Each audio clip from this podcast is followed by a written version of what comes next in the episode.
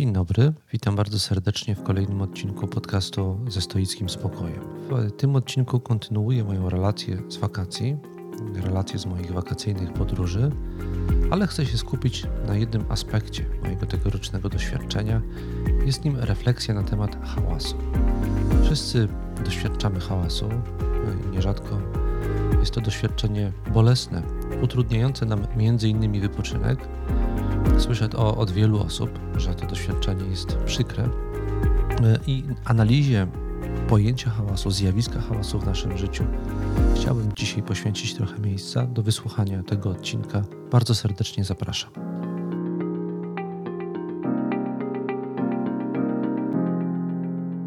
Dla osoby, która nagrywa podcast, hałas jest y, szczególnie dotkliwym problemem.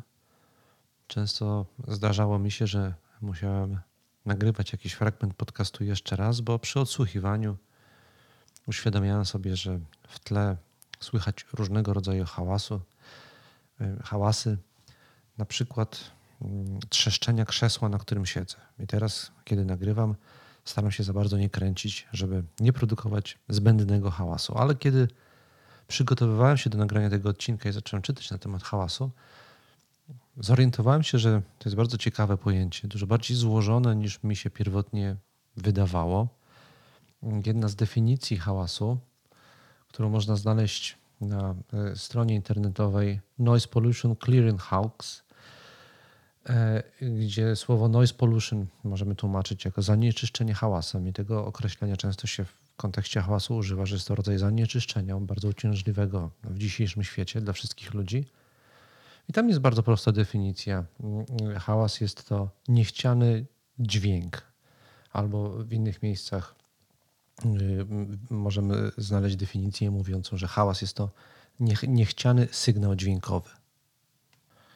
Dalej na, na przytoczonej już stronie internetowej znajdziemy informację, że jest to pojęcie y, noise, bo w języku angielskim używany jest w tym kontekście y, ten termin noise jest to pojęcie, które wywodzi się z łaciny nausea, taki jest termin, z którego to pojęcie się wywodzi, i on pierwotnie oznaczał chorobę. Stąd noise e, jest czymś w pierwszym odruchu mm, negatywnym. Ale tak jak już powiedziałem, ja e, zacząłem bliżej badać ten termin. On jest dużo bardziej złożony i bardzo ciekawy. Dzisiaj o tej złożoności odrobinę powiem, ale zacznę od mojego doświadczenia wakacyjnego, bo Pojęcie hałasu nie przypadkiem pojawiło się w tym podcaście, który jest kontynuacją mojej relacji z, z wakacji, mojej osobistej, prywatnej relacji z wakacji. Więc powiem o kilku doświadczeniach, o czterech doświadczeniach, od tego zacznę. Po pierwsze, niezwykłe, niezwykłym doświadczeniem jest y, zorientowanie się nagle, że otacza mnie cisza. Zdarza się bowiem nam tak, że jesteśmy w podróży czy w samym środku jakiegoś innego rodzaju aktywności i nie poszukujemy ciszy. Naraz jednak zatrzymujemy się i dociera do nas, że otacza, nas cisza. Na co dzień tej ciszy nam bardzo brakuje, bo cały czas jesteśmy otoczeni wszelkiego rodzaju bodźcami, i mm, w stosunku do tych bodźców wytwarzamy sobie wszelkiego rodzaju mechanizmy, które pozwalają nam jakoś funkcjonować w tym przebodźcowanym wszelkiego rodzaju sygnałami świecie, ale zdarza się właśnie tak, że naraz trochę przypadkiem, e, trochę bez e, naszego świadomego udziału, bez intencji, orientujemy się, że otacza nas cisza. To jest bardzo dziwne doświadczenie, kiedy nagle uświadamiamy sobie, że nie ma bodźców. Ja podczas podróży miałem parę razy tak. Oczywiście jednym z powodów moich podróży jest poszukiwanie ciszy, braku hałasu, ale to nie jest tak, że człowiek cały czas ma wszystkie swoje cele na uwadze i cały czas o nich myśli. Zapominamy o naszych celach, po prostu jedziemy. I bywało parę razy tak, że jechałem, wyjechałem z jakiejś wioski, z jakiegoś miasta, wjechałem w jakiś teren e, mało zaludniony, zatrzymywałem się na przykład za potrzebą czy z jakiegoś innego powodu, stawałem i nagle e, uświadamiam sobie, że otacza mnie cisza. Oczywiście nie ma doskonałej ciszy. E, zazwyczaj ciszą jest mm, brak pewnych dźwięków. za chwilę o tym powiem, bo to właśnie jest wpisane w tą dialog, interesującą dialektykę hałasu. Uświadamiam sobie, że e, nie otaczają mnie żadne niechciane dźwięki. Wyłącznie dźwięki, które jakoś wpisują się w moją potrzebę spokoju i harmonii. I to jest przedziwne uczucie, które bardzo zatrzymuje. Ja mieszkam w miejscu, w którym cisza się zdarza co jakiś czas. I to jest piękne doświadczenie, że wieczorem zdarza mi się czasem wyjść przed dom. Ja dodam, mieszkam pod Warszawą, na obrzeżach Warszawy, w warszawskiej Choszczówce. I zdarza mi się czasem wieczorem wyjść przed dom i uświadomić sobie, że liście na drzewach stoją całkowicie nieruchomo. Nawet najlżejszy powiew wiatru nie nadciąga, żeby poruszyć i zaszeleścić czymkolwiek, a słyszę, że dookoła, załóżmy, że jest to późny wieczór, otacza mnie całkowita cisza, przynajmniej na chwilę. To jest bardzo dziwne doświadczenie, bo na co dzień tego nie mamy. Więc to jest pierwsza rzecz, o której chciałem powiedzieć, która, którą pamiętam jakoś bardzo intensywnie z wakacji. Takie momenty ciszy, takie wyjęcie z tego świata hałasu. I temu towarzyszy jakaś taka czasami dziwna dezorientacja, bo nagle nic nas w żadną stronę nie popycha, a umysł chciałby gnać. I ta dziwność chyba się bierze z tego dysonansu między ciszą a tą potrzebą e, i nawykiem gnania gdzieś pędzenia albo nawykiem obrony przed e, zalewem dźwięków. To jest pierwsze doświadczenie, które miałem. Drugie doświadczenie, które miałem, mniej przyjemne właśnie, to jest e, doświadczenie rozczarowania hałasem w miejscu, w którym spodziewałem się, że go nie będzie. Oto dojechałem do Wiżajn. Jest to miejscowość położona nad jeziorem Wiżajny. To jezioro jest położone bardzo blisko granicy polsko-litewskiej, niedaleko trójstyku granic Litwy, Polski i Rosji. Jest to bardzo piękne, ciche jezioro, otoczone wioskami bardzo mało zaludnionymi. Jedną z tych miejscowości jest, jest, to właśnie są Wiżajny. Ja tam się zatrzymałem w gospodarstwie agroturystycznym i to była moja ostatnia noc mojej podróży samotnej rowerowej tegorocznej. Miałem taki plan, żeby wieczorem w okolicach 11 mm, pójść się przejść i przed powrotem do hałaśliwej Warszawy nacieszyć się taką ciszą, taką harmonią lasu, odgłosami przyrody, które mnie w, tym, w tej harmonii otaczają. Jakież było moje zdumienie, kiedy wyszedłem e, przed gospodarstwo i słyszę dudnienie jakiejś dyskotekowej muzyki z oddali. Mm, tak intensywne dudnienie, że Właściwie słyszałem każde, każde słowo odgrywanych utworów i mogłem je e, spokojnie rozpoznać. E, każde z, z tych słów to nie był taki szum muzyki, jaki czasami gdzieś oddali, z oddali słyszymy, tylko bardzo wyraźna muzyka. Sądziłem, że gdzieś ta muzyka musi najwidoczniej dobiegać z, o, z pobliskiego innego gospodarstwa. Ktoś pewnie sobie przez okno puszcza głośną muzykę, no to się zdarza. Więc postanowiłem pójść dalej, żeby jej nie słyszeć. I ja, ja przeszedłem 3 kilometry i nie doszedłem do źródła dźwięku. Ono ca cały czas było gdzieś jeszcze w oddali. Zrozumiałem z kontekstu także innych dźwięków, które słyszałem, że to jest jakaś większa impreza. Ludzie tam śpiewali, mm, chyba bawili się w karaoke. Ponieważ w pobliżu było jezioro, to ten dźwięk się jakoś dodatkowo bardzo niósł. To e, oczywiście było źródłem jakiejś lekkiej frustracji u mnie i, i, i uczucia zawodu, ale także skłoniło mnie to do refleksji. Do refleksji nad tym, jak w bardzo dużym stopniu jesteśmy otoczeni by przez wszelkiego rodzaju mm, zakłócające nam nasze działania, nasze myśli, nasze dążenia dźwięki. Dźwięki, których nie chcemy, które, które doświadczamy jako hałas. Jak bardzo trudno jest znaleźć miejsce, w którym tych dźwięków by nie było. Albowiem, zwłaszcza w wakacje, gdziekolwiek nie pojedziemy, to człowiek, y, który też tam jedzie razem z nami, może przywieźć ze sobą hałas, a więc w pewnym sensie z siebie samego. Drugie moje nieprzyjemne doświadczenie wakacyjne, które też nas skłoniło mnie do pewnej refleksji, to jest doświadczenie mm, z silnikami motorów. Ja dość często to słyszę e, w Warszawie, jak e, drogą oddaloną od mojego domu o 3 kilometry, to jest ulica Modlińska, nocami przejeżdżają z wyciem e, motocykle i jakoś mnie to przeraża, że oni nie rozumieją, że dookoła mieszkają ludzie, którzy na przykład śpią już o tej porze, y, albo że niedaleko są lasy, w których śpią zwierzęta, zanieczyszczają nasze środowisko, w którym żyjemy, tym straszliwym jazgotem i hałasem. A w wakacje w szczególności uderzyło mnie, że oni są także plagą wszelkiego rodzaju małych miasteczek. Ja czasami podczas moich podróży zatrzymuję się gdzieś na uboczu, właśnie, żeby doświadczyć ciszy, ale czasami lubię się zatrzymać w hoteliku, na przykład w jakiejś małej miejscowości, jak Tykocin. Bardzo piękna miejscowość.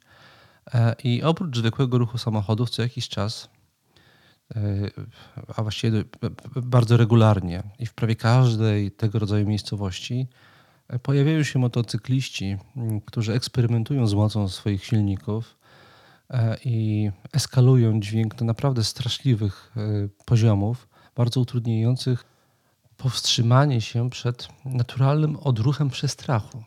Oto siedzę sobie przy otwartym oknie w takim miasteczku jak Tykocin i nagle pod oknem przejeżdża z absolutnym wyciem y, motocyklista. I to jest, wydaje mi się, prawdziwa zmora, zmora Polski w tej chwili, że oni są wszędzie. Gdziekolwiek byś nie pojechał, znajdzie się motocyklista, który eksperymentuje ze swoim pojazdem i musi wjechać wszędzie. E, I musi wszędzie, za, każdy, każdą przestrzeń e, kraju, świata zanieczyścić, e, zanieczyścić hałasem swojego silnika. No i to jest ciężkie jakoś to jest coś, z czym wszyscy musimy sobie radzić. Yy, ja o tym trochę więcej powiem, jako, jak sobie z tym radzić po stoisku.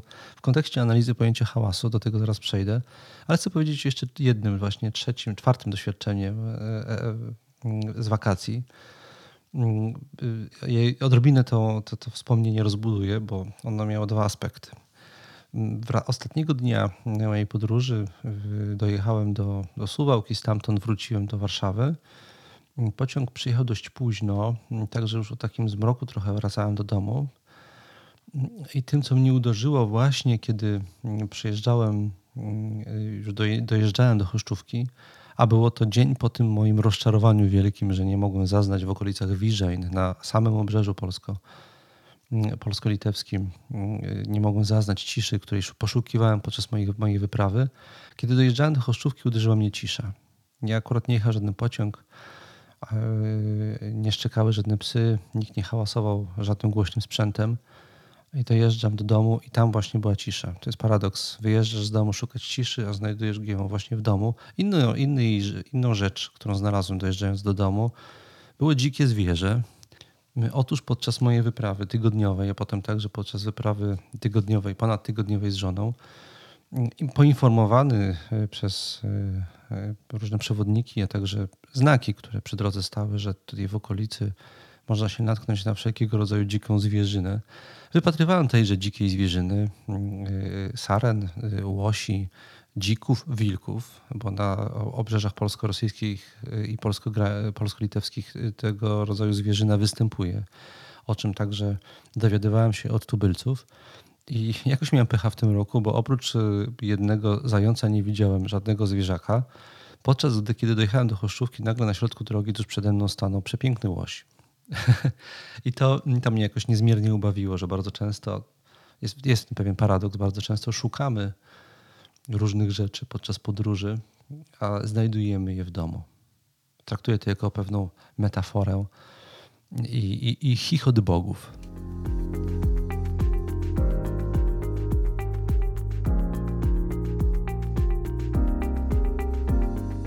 Teraz przejdę do części filozoficznej, w której zaproponuję analizę pojęcia hałasu i sięgam do książki mm, Barta Kosko pod tytułem Noise.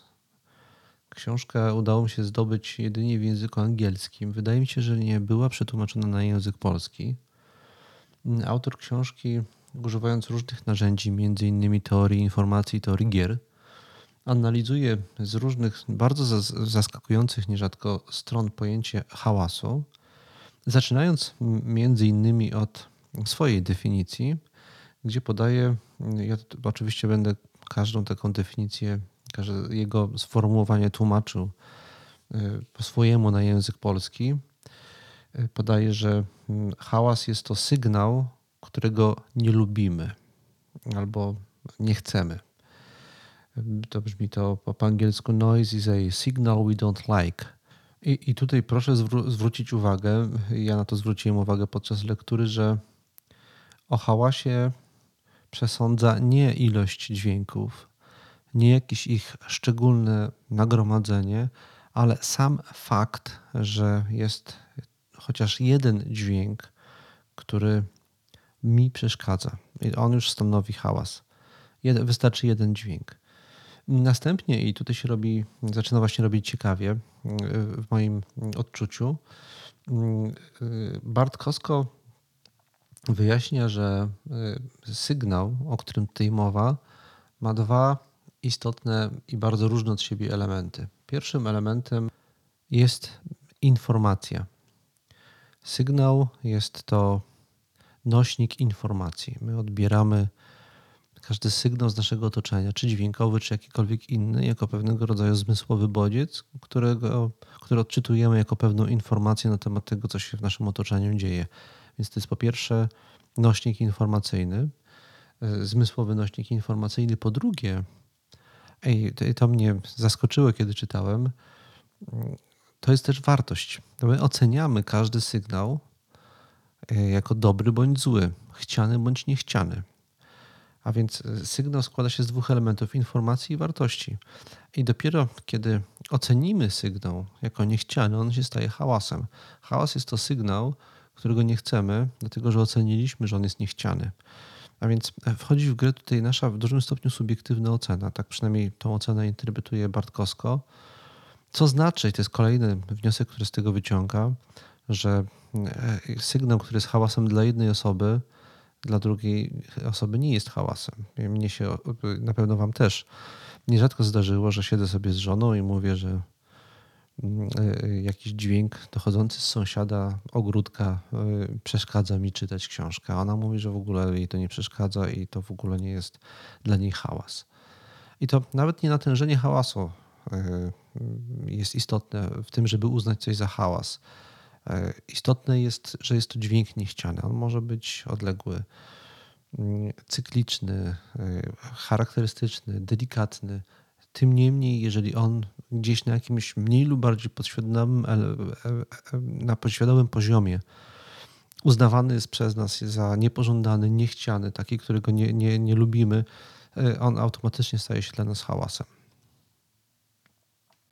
Jeszcze bym jedną rzecz dodał na temat tej względności, żeby dobrze to wyjaśnić. Mnie na przykład mm, frustruje do pewnego stopnia, że współcześni ludzie, i to jest ten hałas współczesnego człowieka, który mnie się najbardziej narzuca mm, i, i mnie doskwiera, oprócz tego, że używają różnych niezbędnych Mm, urządzeń, które emitują dźwięki i przez to jakoś utrudniają nam i innym ludziom życie, ale używają całego mnóstwa urządzeń, które nie są niezbędne, a tym niemniej używają ich z jakąś lubością. Wspomniałem już o tych nieszczęsnych motorach, ale ja, y, tak jak powiedziałem, mieszkam na obrzeżach Warszawy, w domku jednorodzinnym, y, otoczony ogródkami.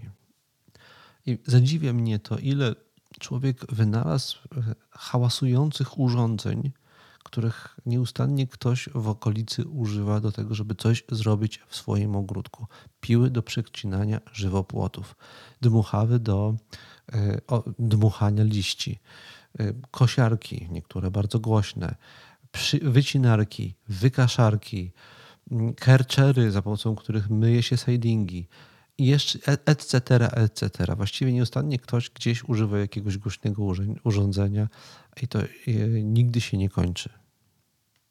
W efekcie tego zdarza mi się, że kiedy nagrywam podcast, to jeden sąsiad zaczyna coś głośnego robić, no to muszę przerwać i poczekać aż skończy, bo obawiam się, że będzie w tle to słychać. E, on przestaje, zaczynam, czy kontynuuję nagrywanie, a Pięć minut później drugi sąsiad włącza kosiarkę i ja wtedy znowuż przerywam nagrywanie.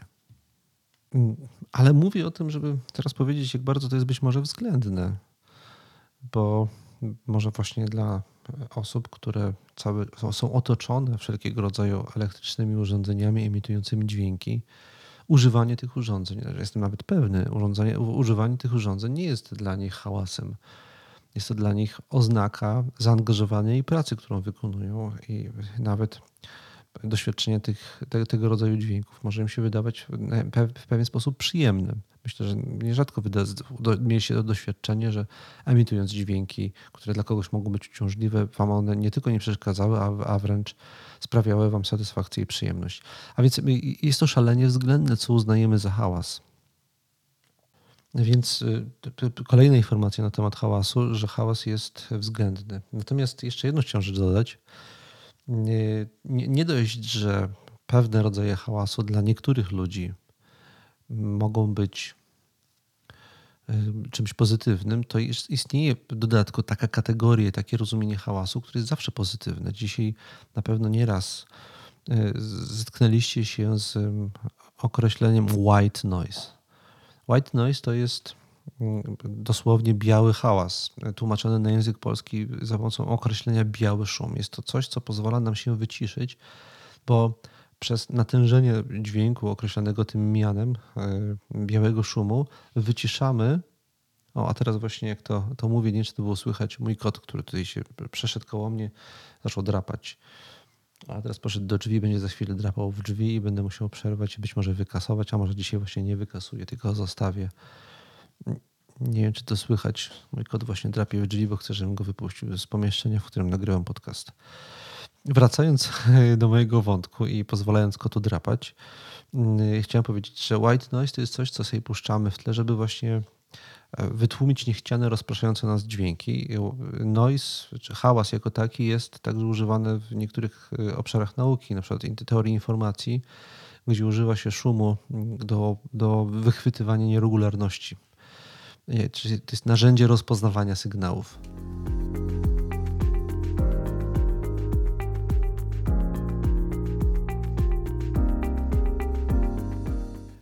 No dobrze, wstałem i wypuściłem kota.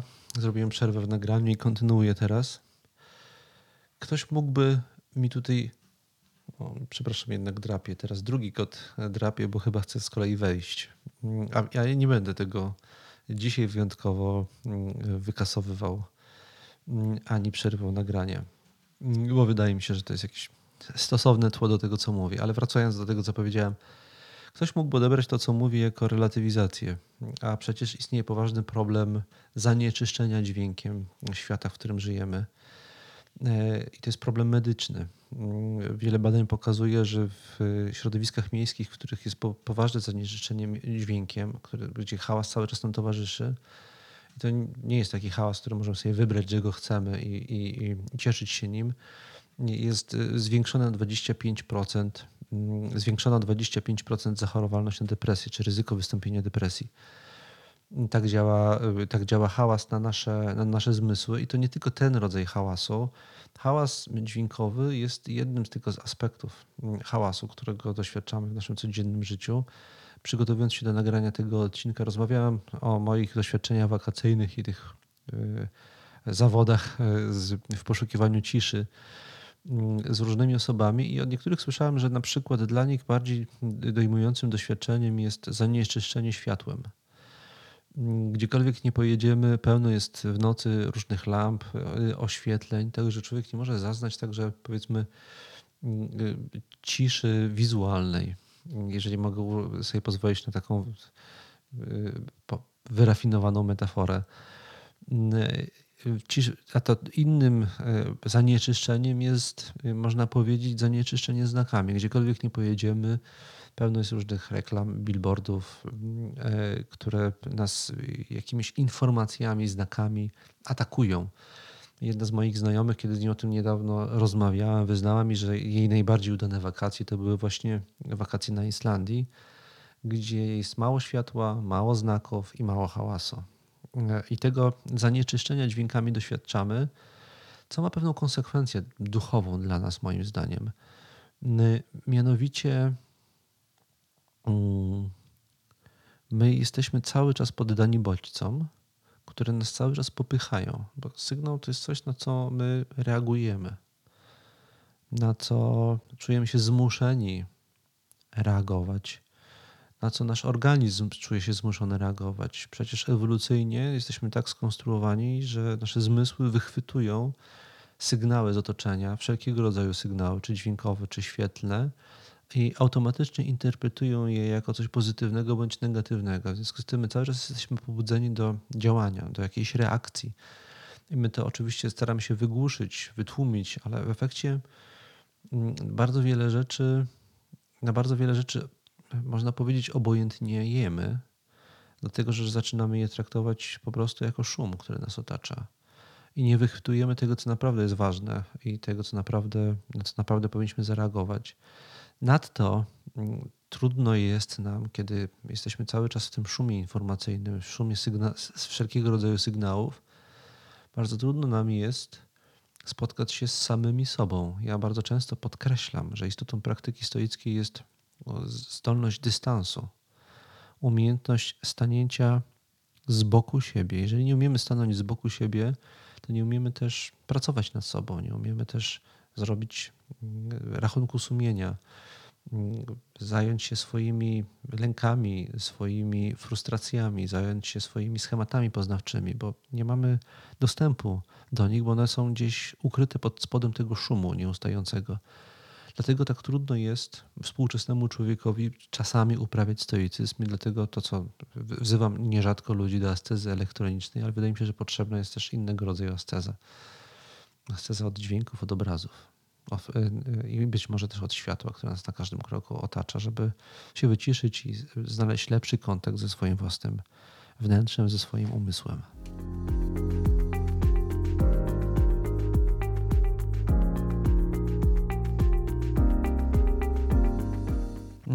Teraz chciałem przejść do części bardziej literackiej, e, w której pod koniec będą rady stoickie, jak sobie z doświadczeniem hałasu po stoicku współcześnie radzić. Wspominałem i zwierzałem się ostatnio, że ja wykorzystuję wakacje do tego, żeby też nadrobić zaległości czytelnicze. To jest też rodzaj lektura, pogłębiona lektura. To jest, jak często mówię, rodzajem obcowania ze sobą. No i też trzeba sięgać do literatury, niekoniecznie wyłącznie wysokiej y, literatury. Zacznę jednak od tej, tej kategorii wysokiej literatury. Wspominałem ostatnio w dodatku dla patronów, że przeczytałem mm, książkę y, Jose Luisa Borgesa y, Alef i fikcję. W fikcjach jest wspaniałe opowiadanie pod tytułem Pamiętliwy Funes czy Funes, nie jestem pewien jak się wymawia to, to, to imię. I e, ostatnio odnośnie tego opowiadania mówiłem o innej rzeczy. Mówiłem o motywie stoickim, przypadkowym, ciekawym motywie stoickim, jaki się tam pojawił. Dzisiaj chciałem powiedzieć o głównej cesze tego bohatera tytułowego Funesa. On jest pamiętliwy, dlatego że on wszystko bardzo dokładnie pamięta, co do najdrobniejszego szczegółu. Teraz przeczytam cytat z tego dziełka i go krótko skomentuję.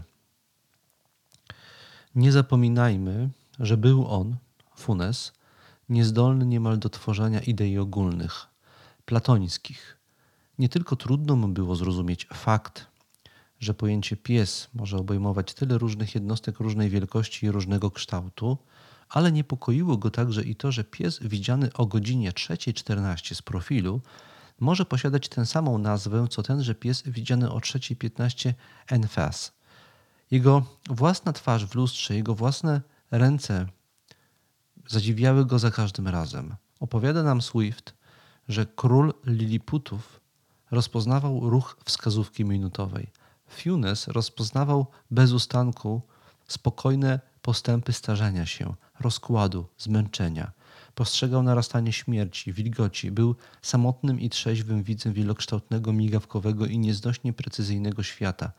Babilon, Londyn i Nowy Jork przygniotły swym przerażającym przepychem wyobraźnię ludzką. Nikt jednak ani w ich gęsto zaludnionych wieżach, ani na rozpędzonych ulicach nie czuł gorąca i ciśnienia rzeczywistości tak niezmordowanej jak ta, która dzień i noc zwalała się na nieszczęsnego Funesa w jego biednej południowoamerykańskiej wiosce. Zasypianie przychodziło mu z trudnością. Sen jest oderwaniem się od świata Ireneo na wpół leżąc w łóżku w ciemności wyobrażał sobie każdą szparkę i każdy szczegół otaczających go domów. Powtarzam, że najmniej ważne z jego wspomnień było precyzyjniejsze i żywsze niż nasze odczucie największej radości ciała lub największej spośród jego tortur. Na wschód, na jałowej Pampie było kilka nowych, nieznanych mu domów. Funes wyobrażał sobie, że są czarne, jednolite, zrobione z bezkształtnej ciemności. Kiedy chciał zasnąć, obracał twarz w owym kierunku. Czasami wyobrażał sobie, że jest na dnie rzeki, kołysany i unicestwiany przez nurt. Nauczył się bez wysiłku angielskiego, francuskiego, portugalskiego i łaciny. Podejrzewam jednak, że nie umiał myśleć. Myśleć to zapominać. Zapominać o różnicach. Myśleć to uogólniać i tworzyć abstrakcje. W przeładowanym świecie Funesa były tylko szczegóły prawie bezpośrednie. Koniec cytatu. Mm. Moja refleksja mm, jest taka, że to opowiadanie to przepowiednia. My jesteśmy dzisiaj świadkami tego świata, który nas atakuje hałasem. Hałasem dźwięków niechcianych. Takich dźwięków y, niechcianych w tym sensie, że nie pozwalają nam spotkać się z samymi sobą, odróżnić tego, co ważne i nieważne. Tylko cały czas nas atakują. W efekcie czego, y, jak prorokuje Borges, nie umiemy myśleć. Mm, podzielę się jeszcze jednym, jeszcze jednym fragmentem literackim. Mm, tak jak powiedziałem, sięgam nie tylko po, po e, tak zwaną wysoką literaturę, e, piękną, ale także po mniej wysokie czy szlachetne odmiany literatury, w których, z których nierzadko można równie wartościowe rzeczy dla siebie wyciągnąć. Odbyłem w te wakacje intrygującą podróż w czasie, bardzo dziwną podróż w czasie, bo sięgnąłem po kilka kolejnych tomów zbiorów opowiadań science fiction sprzed ponad 30 lat. Był kiedyś taki autor science fiction, Don Wollheim, który dokonywał wyboru najciekawszych, najważniejszych, najbardziej wartościowych opowiadań danego roku i je wydawał w jednym tomiku. One są fascynujące. Zwłaszcza dzisiaj, kiedy możemy spojrzeć wstecz 30 lat i, za, i zobaczyć, co wówczas uważano za możliwe w przyszłości. I ile z tych rzeczy się sprawdziło. Te opowiadania bardzo często są nadzwyczaj aktualne e, i tym, którzy już trochę żyją, pamiętają tamte czasy, widzą współczesne czasy, bardzo gorąco polecam sięgnięcie po e, książki Don Wolejma, po te wybory tekstów. I tutaj ja sięgam po tekst jednego z autorów umieszczonych w tomie e, opowiadań na rok 1987 i tutaj jest e, opowiadanie pod tytułem Przepustka, trochę szaleszcze i to jest hałas oczywiście. I ta przepustka to jest opowiadanie Luciusza, Luciusza Sheparda. E, I w tym opowiadaniu, gdzie mm, kontekstem jego jest wojna, e, znalazłem następujący, bardzo podobający mi się cytat, który jakoś nawiązuje do tego, o czym tutaj dzisiaj mówimy. Mm, a więc cytuję. Im dłużej żyjesz, im obfitsze masz doświadczenia, tym bardziej skomplikowane staje się Twoje życie. I w końcu zapadasz w gęstwinę tak wielu powikłań, pańczynę okoliczności, emocji i wydarzeń, że nic już nie jest proste i wszystko staje się kwestią interpretacji. Interpretacja jednak to strata czasu. Nawet najbardziej logiczna z interpretacji jest ledwie próbą zamknięcia tajemnicy w klatce i zatrzaśnięcia za sobą drzwi. Wcale nie czyni życia mniej tajemniczym. I równie bezcelowe jest doszukiwanie się wzorów polegające, poleganie na nich, stosowanie się do mistycznych wskazówek, które zdają się narzucać. Jedynym sensownym trybem postępowania jest przyjęcie strategii obronnej. Koniec cytatu. Kiedy przeczytałem ten cytat, pomyślałem o tym, że istnieje jeszcze jeden rodzaj hałasu. Hałas wspomnień.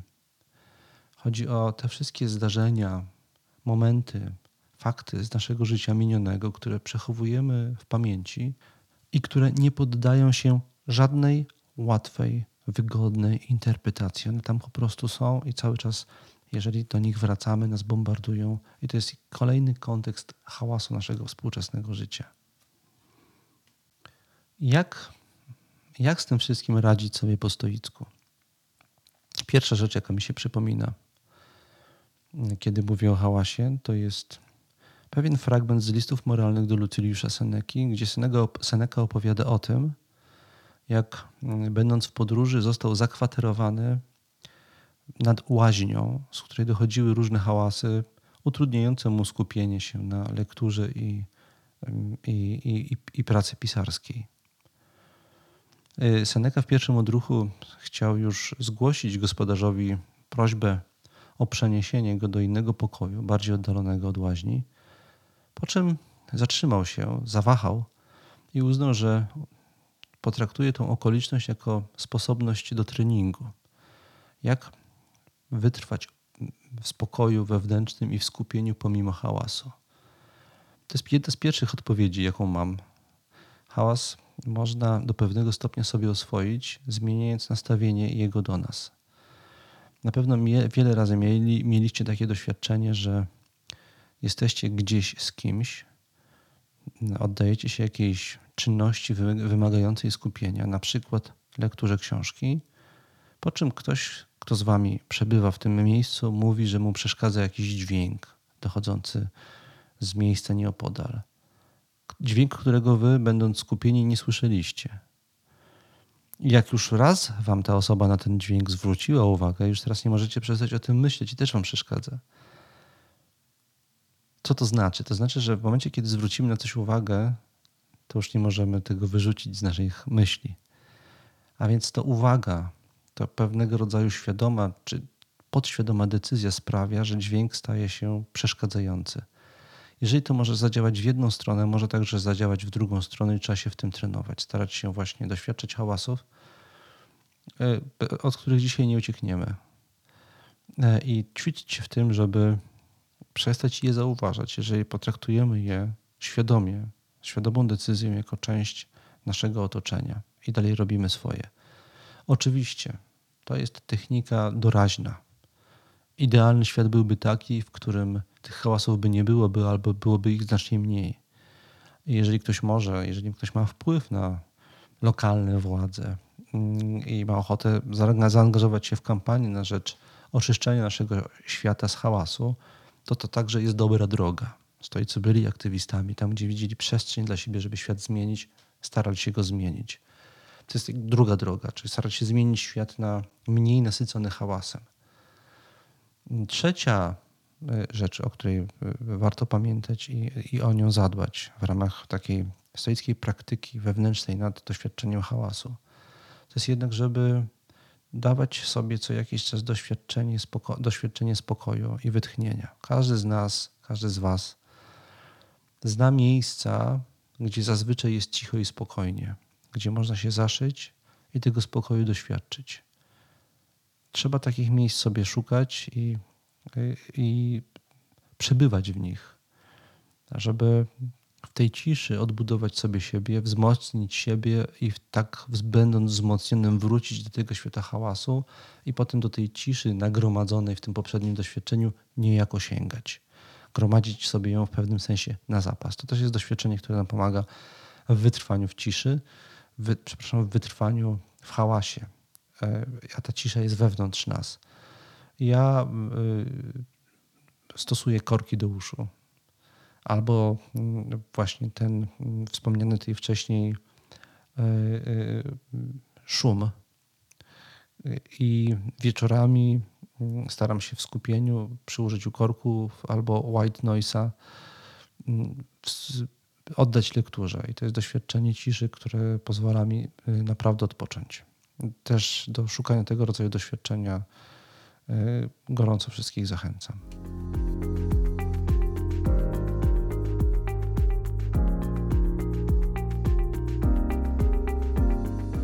Teraz y, chciałbym już przejść do maili od słuchaczy. Y, dzisiaj przygotowałem dwa maile, y, które skomentuję. Zacznę od maila od pana Marcina, który dostałem w wakacje. Pan Marcin napisał dość długi mail. Ja przeczytam fragment tego maila, a następnie odniosę się do pytań, które w tym fragmencie się znajdują.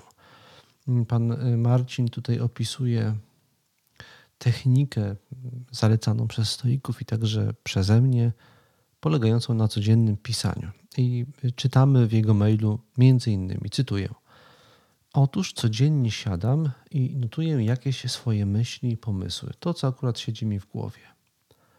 Nie zawsze rano, ale staram się, by robić to codziennie. Dziś rano obudziłem się wcześniej i jedną z moich pierwszych myśli było, żeby wykorzystać ten czas i chwilę notować. I tu pojawił się problem. Uświadomiłem sobie, że nie bardzo mam o czym pisać. Pustka w głowie. Poszedłem wziąć poranny prysznic, walcząc sam ze sobą. Powinienem notować, chociaż nie mam nic do notowania, czy dać sobie raczej spokój. Pod prysznicem przydarzyło mi się coś, co sprawiło, że chcę się z tym podzielić. Otóż samoczynnie pojawiła mi się fantazja, że rozmawiam z panem, tak jak rozmawiał pan z panem Ludwikiem w ramach relacji z cyfrowego detoksu. Akurat wczoraj słuchałem tego odcinka podcastu. Na zadane w mojej wyobraźni pytanie przez pana, czy mam jakieś trudności z notowaniem, zacząłem odpowiadać. Z samym zapisywaniem myśli trudności nigdy nie miałem. Pisanie zawsze przychodziło mi łatwo. Trudność miałem natomiast z regularnością. Bywały dni, kiedy nie wiedziałem o czym pisać, a kiedy nachodziła mnie myśl, że nie każdy przecież urodził się z, Markiem, z, z umysłem Marka Aureliusza czy Seneki, że nie ode mnie zależy, jaka jest moja kondycja danego dnia, natomiast ode mnie zależy, co z tym zrobię. I właśnie w tym miejscu przyszło olśnienie. Odpowiadając w umyśle na niezadane pytanie, rozwiązałem swój problem. I to na kilku płaszczyznach jednocześnie. Doszedłem do tego, że moja aktualna kondycja umysłowa nie zależy ode mnie. Nie ode mnie zależy, czy w danym momencie potrafię rozmyślać o sprawach ważnych, czy też mam w głowie całkowitą pustkę. To jest coś, co mi się przytrafia tak samo, jak przytrafia mi się skór czy nogi. Ode mnie jednak zależy, co zrobię z tym dalej. Mogę włączyć telewizor, a mogę też wziąć i zacząć zapisywać tę pustkę. Nie piszę przecież dla potomności, piszę dla siebie. Jeżeli moje jedyne zapisane dziś myśli będą dotyczyły jedynie zakupów czy sprzątania, to, jedyne, to, to jedynie ja to przeczytam. I najgorsze, co mnie w takiej sytuacji może spotkać, to nic, bo nie byłem w stanie znaleźć żadnego negatywnego skutku zanotowania myśli banalnej. Pozytywnym skutkiem było natomiast utrzymanie pewnego nawyku i regularności praktyki, której się podjąłem. Tutaj przerywam cytowanie e-maila od pana Marcina. No i chciałem oczywiście skomentować to w ten sposób, że pan Marcin trafił w sedno. I to jest, utrafił, utrafił w sedno pewnego fundamentalnego problemu, z, z jakim mamy. Pyta, problemu tego, co jest od nas zależne i niezależne. Nie jest ode mnie zależne, jaką mam dzisiaj formę. Czy jestem dzisiaj kreatywny, czy jestem w stanie wykrzesać z siebie jakąś ważną myśl, którą warto zanotować. Ode mnie natomiast zależne jest to, czy usiądę i cokolwiek zanotuję, nawet jeżeli nic mi nie przychodzi do głowy, a zyskam na tym to, że wytrwałem w postanowieniu, a więc trwam w tym, że ćwiczę w sobie tą najważniejszą bodaj stoicką cnotę, którą się określa mianem cnotą stałości. Stoicyzm to trening, nie chodzi o to, jaki jest efekt, chodzi o to, żeby trenować. A efekt w postaci wewnętrznej pogody ducha, postawy, wytrwałości sam przyjdzie. To był mail od pana Marcina. Teraz drugi mail y, od y, pana Piotra. Pan Piotr pisze między innymi, cytuję: Do odezwania się ośmielił mnie ostatni odcinek podcastu o podróżach rowerowych. Zdaje się, że użył pan sformułowania peregrinacje rowerowe, co skojarzyło mi się z książką Jakuba Kornhausera Premie górskie najwyższej kategorii. Zresztą to właśnie inna książka o, niewol- o niewiedzy w praktyce, czyli Droga do Portugalii Piotra Cieplaka, zmotywowała mnie do zakupu sakw i ruszenia w drogę. Najpierw z Warszawy w Bieszczady, a w kolejnym roku do Budapesztu. Dla mnie wyprawy rowerowe, choć ostatnio krótsze, również stały się najlepszą formą wypoczynku, kiedy udają się także w podróż wewnętrzną. Chciałbym wykorzystać ten mail również do zadania pytania o stoickie poczucie humoru. Czytając rozmyślania, zwróciła moją uwagę wielokrotna pochwała powagi przez Marka Aureliusza.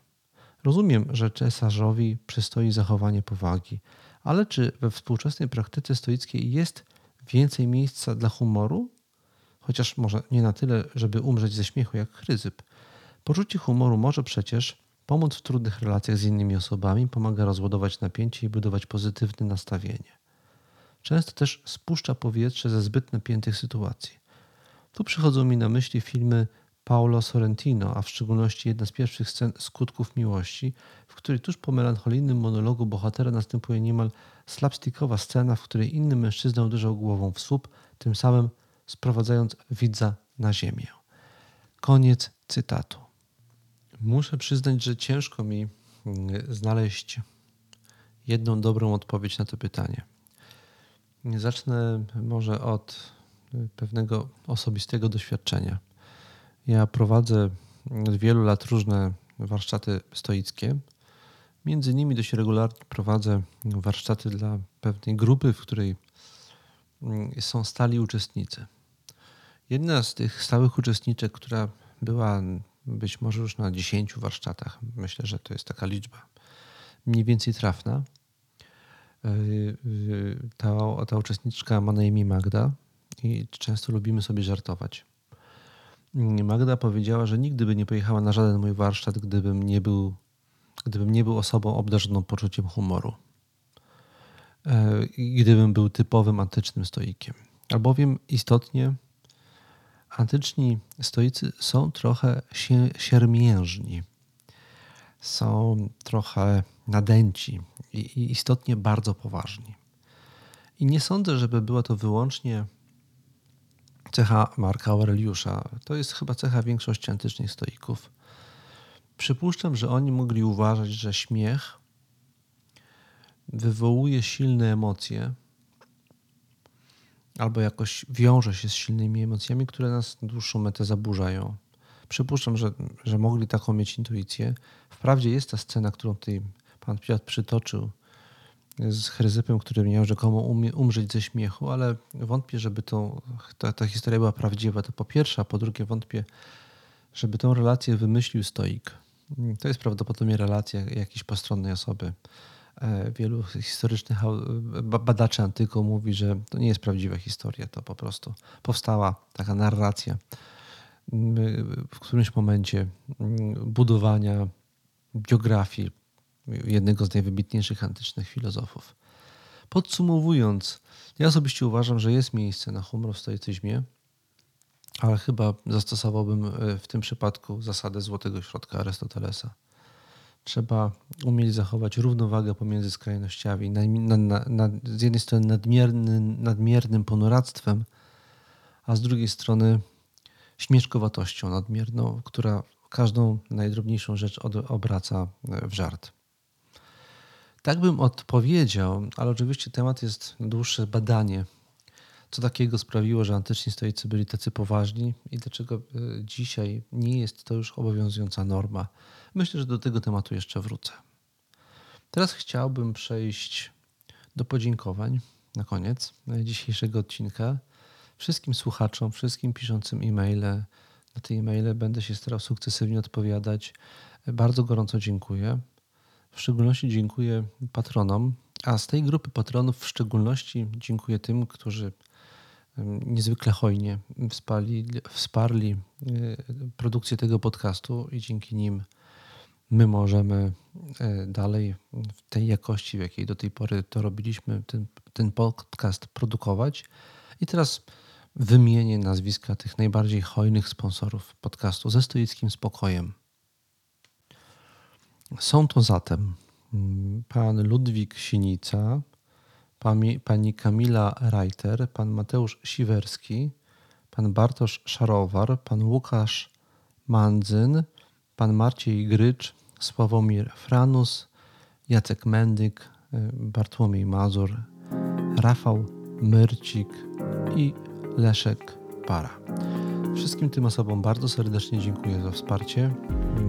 To jest dla mnie ważne nie tylko dlatego, że dzięki temu ten podcast robimy, ale także y, ważne dlatego, że mamy poczucie, cały zespół produkujący ten podcast, że mm, odbieracie to pozytywnie i że Wam się to do czegoś przydaje i to nas motywuje do dalszej pracy. Bardzo dziękuję.